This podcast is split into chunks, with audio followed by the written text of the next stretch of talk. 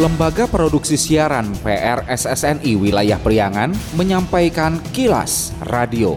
Disiarkan di 20 radio anggota PRSSNI di wilayah Priangan.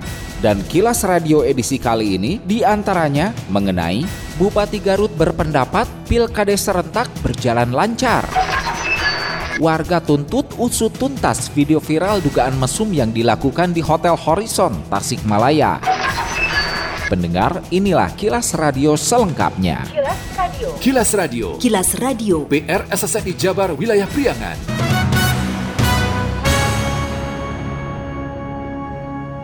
Bupati Rudi Gunawan mengatakan pelaksanaan Pilkades serentak gelombang 2 tahap 2 tahun 2023 di Kabupaten Garut berjalan dengan lancar. Rudi saat tinjau pemilihan kepala desa Pilkades serentak di tempat pemungutan suara TPS Desa Cipancar, Kecamatan Leles dan TPS 10 serta 11 di Desa Sukakarya, Kecamatan Banyuresmi, Senin 15 Mei menyebut berdasarkan informasi dari mulai SKPD yang ada di 28 kecamatan hingga jam 11 siang partisipasi sudah di atas 80 Artinya ada kegairahan dari masyarakat Garut untuk mencoblos pemimpin di desanya masing-masing. Dari mulai SKPD yang ada di 28 kecamatan sampai jam 11 partisipasi sudah di atas 80 Artinya bahwa ada kegairahan dari masyarakat Garut untuk mencoblos pemimpin di desanya masing-masing. Secara kondisi keseluruhan sangat aman dan kita dipantau terus ya, terutama nanti pada saat-saat kritis, yaitu sekitar jam 2 jam 3 itu penghitungan suara. Ya. Saya kira semuanya akan berjalan dengan lancar, insya Allah.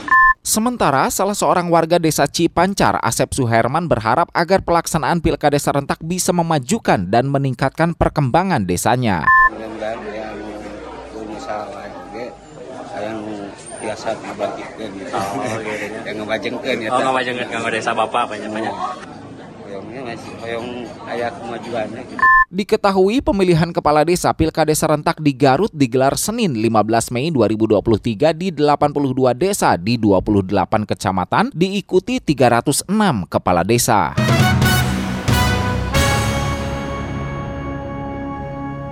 Video sepasang kekasih lakukan hubungan orang dewasa di sebuah kamar hotel Horizon Tasikmalaya dengan kordeng kamar terbuka, viral dan jadi perhatian masyarakat. Kiai Haji Aminuddin Bustomi, ulama dan ketua MUI Kota Tasikmalaya mengatakan semua pihak harus menyelesaikan terkait video viral yang mengumbar perbuatan tidak bermoral itu. Pasalnya akan membuat tidak baik Kota Tasikmalaya yang menyandang predikat sebagai kota santri. Menurut Aminuddin, apa pun persepsi orang tentang isi video itu tentu akan akan membuat masyarakat Tasikmalaya tidak rela daerahnya dikotori, apalagi disengaja untuk merusak kota Tasikmalaya. Namun Aminuddin sebagai ulama dan juga ketua DKM Masjid Agung berharap turun tangan semua pihak dan secepatnya dapat diselesaikan dan tegaknya perda tata nilai yang saat ini dirasa perlunya evaluasi.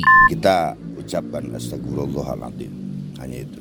Ini mesti bahan tafakur, tadakur, tadabur bersama. Mengapa yang Allah perlihatkan ini rangkaian peristiwa yang memang bentuknya pelanggaran konstitusi, pelanggaran regulasi, dan juga pelanggaran syari. Bagi kita sebagai warga bangsa, di mana pun semua yang kita lakukan mesti aman syari, aman regulasi, dan aman NKRI. Apalagi di kota Tasikmalaya kan ada tata nilai. Ya. Itu yang kedua. Yang ketiga, ini mesti tuntas. Ya. Semua pihak, leading sektornya tentu ini mesti bertanggung jawab Katanya ini pendapat pertama orang lagi ngepel. Juga mesti dikupas tuntas dibedah. Masa sih orang ke hotel mau ngepel? Kan ada OB apalagi malam gitu aja yang kedua kita ke hotel itu biasanya ini kan wilayah privasi ya. Hmm. tapi ketika wilayah privasi berimbas ke wilayah sosial. Ke wilayah banyak orang nggak bisa acu tak acu. Ini mesti dituntaskan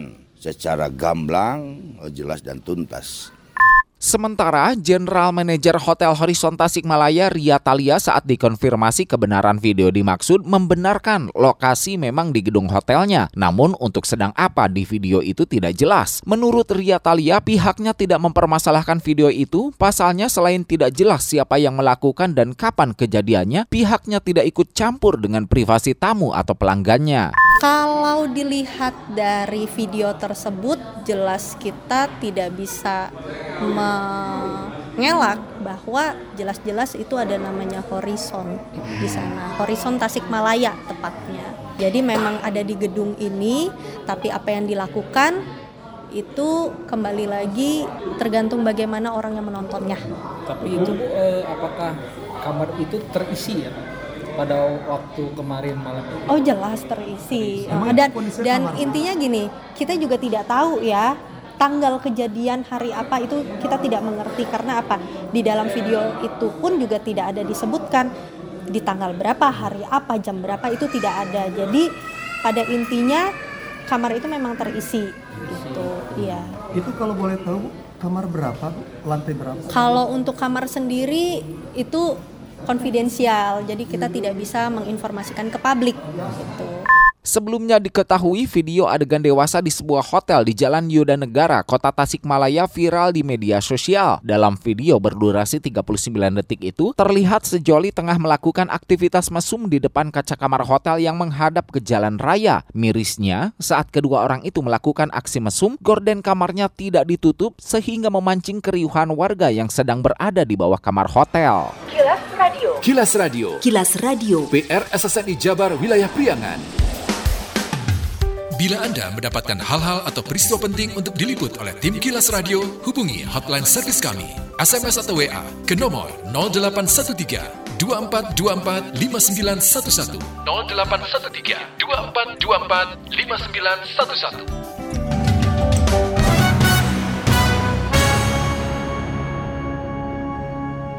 Wali Kota Banjar ADU Sukaisi mengapresiasi adanya polisi RW yang baru saja di launching. UU bersama Kapolres Banjar saat hadiri acara launching polisi RW tingkat Polda Jawa Barat yang dilaksanakan di Gedung Sate secara virtual di halaman Mapolres Banjar Senin 15 Mei menyebut kini bukan hanya Babin Kamtibmas, namun ditambah dengan personel Polres Banjar yang ditugaskan sebagai polisi RW. Diharapkan sekecil apa pun permasalahan dapat segera ditangani. Terlebih menurut UU menjelang tahun pemilu 2024, insya Allah Kota Banjar semakin aman, kondusif, dan terbaik dengan kehadiran polisi RW. Babinsa Babin Kaptimas kan per kelurahan.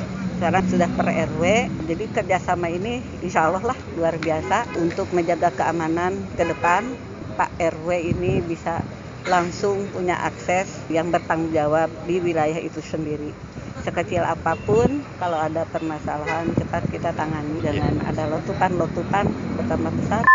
Kapolres Banjar AKBP Bayu Catur Prabowo menyampaikan tujuan dibentuknya polisi RW salah satunya yaitu mendekatkan pelayanan Polri di masyarakat di tingkat RW dan juga bisa mendeteksi setiap permasalahan di masyarakat dengan harapan setiap permasalahan bisa cepat tertangani. Bayu berharap keberadaan polisi RW bermanfaat untuk masyarakat. Paling penting terkait dengan polisi RW ini adalah mendekatkan pelayanan Polri kepada masyarakat di tingkat RW. Memang betul ada Babin Kamtipmas, namun Babin Kamtipmas yang ada dirasa masih terlalu luas untuk memberikan pelayanan kepada masyarakat.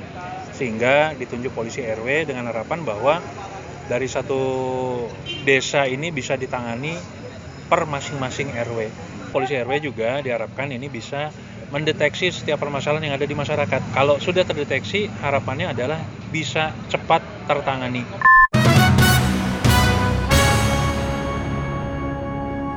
Sejumlah korban kebakaran harus dievakuasi dari atas gedung Asia Plaza Tasikmalaya dengan menggunakan seling yang menyerupai Flying Fox. Korban diturunkan dengan menggunakan tandu diikat dan digantung di seling dan diluncurkan ke bawah untuk ditangani lebih lanjut oleh tim BPBD Kota Tasikmalaya. Evakuasi korban gempa dan kebakaran di gedung Asia Plaza Tasikmalaya itu adalah agenda simulasi tanggap bencana dalam rangka Hari Kesiapsiagaan Kebencanaan 2023. Kepala Pelaksana Badan Penanggulangan Bencana Daerah BPBD Kota Tasikmalaya Ucu Anwar mengatakan simulasi dipilih di Asia Plaza Tasikmalaya pasalnya selain luas gedung yang capai hektaran sebagai ruang publik yang harus terproteksi dari segala kemungkinan harus memenuhi standar resiko kebencanaan baik gempa bumi maupun kebakaran. Ucu mengakui masih kurangnya pengelola tempat layanan publik di Kota Tasikmalaya memahami evakuasi mandiri dalam resiko kebencanaan. Untuk itu pihaknya dengan program KIE Komunikasi Informasi dan Edukasi dapat berikan pelatihan pelatihan kepada seluruh pengelola tempat-tempat layanan publik. Mall ini adalah ruang publik yang harus terproteksi segala kemungkinannya. Sebab di mall ini kan dengan luasan sekian hektar ini harus memenuhi standar profesi kebakaran dan profesi kebencanaan. Besok kita akan laksanakan simulasi kebencanaan gempa bumi dan kebakaran. Artinya ketika terjadi gempa bumi mungkin saja terjadi bencana non alam yaitu kebakaran. Dan kita harus betul-betul punya kesiapsiagaan dalam rangka memberikan layanan terbaik buat masyarakat terutama masyarakat Kota Tasikmalaya. Manajer Asia Plaza, Roni Apriliansyah mengucapkan terima kasih kepada pemerintah kota Tasikmalaya dalam hal ini BPBD yang telah memberikan pelatihan dan simulasi terhadap seluruh komponen yang terlibat di Asia Plaza. Menurut Roni, simulasi dan edukasi kesiapsiagaan itu untuk menambah wawasan timnya dalam menghadapi hal-hal kebencanaan seperti gempa dan kebakaran. Ini yang ketiga, Cuman sekarang e, bertepatan dengan hari kesiapan e, bencana itu dari BNPB kita lebih lebih gebiar lagi. Bagaimana cara cara kita misalnya ke pengunjung kita nyalakan alarm gempa. Bagaimana cara e, mengevakuasi dari pengunjung? Ya siapa aja yang nanti di tugasnya untuk mengevakuasi. Itu sebelum kita merespon ke terkait ke BPBD dalam hal ini nanti calling ke BPBD baru datang dari BPBD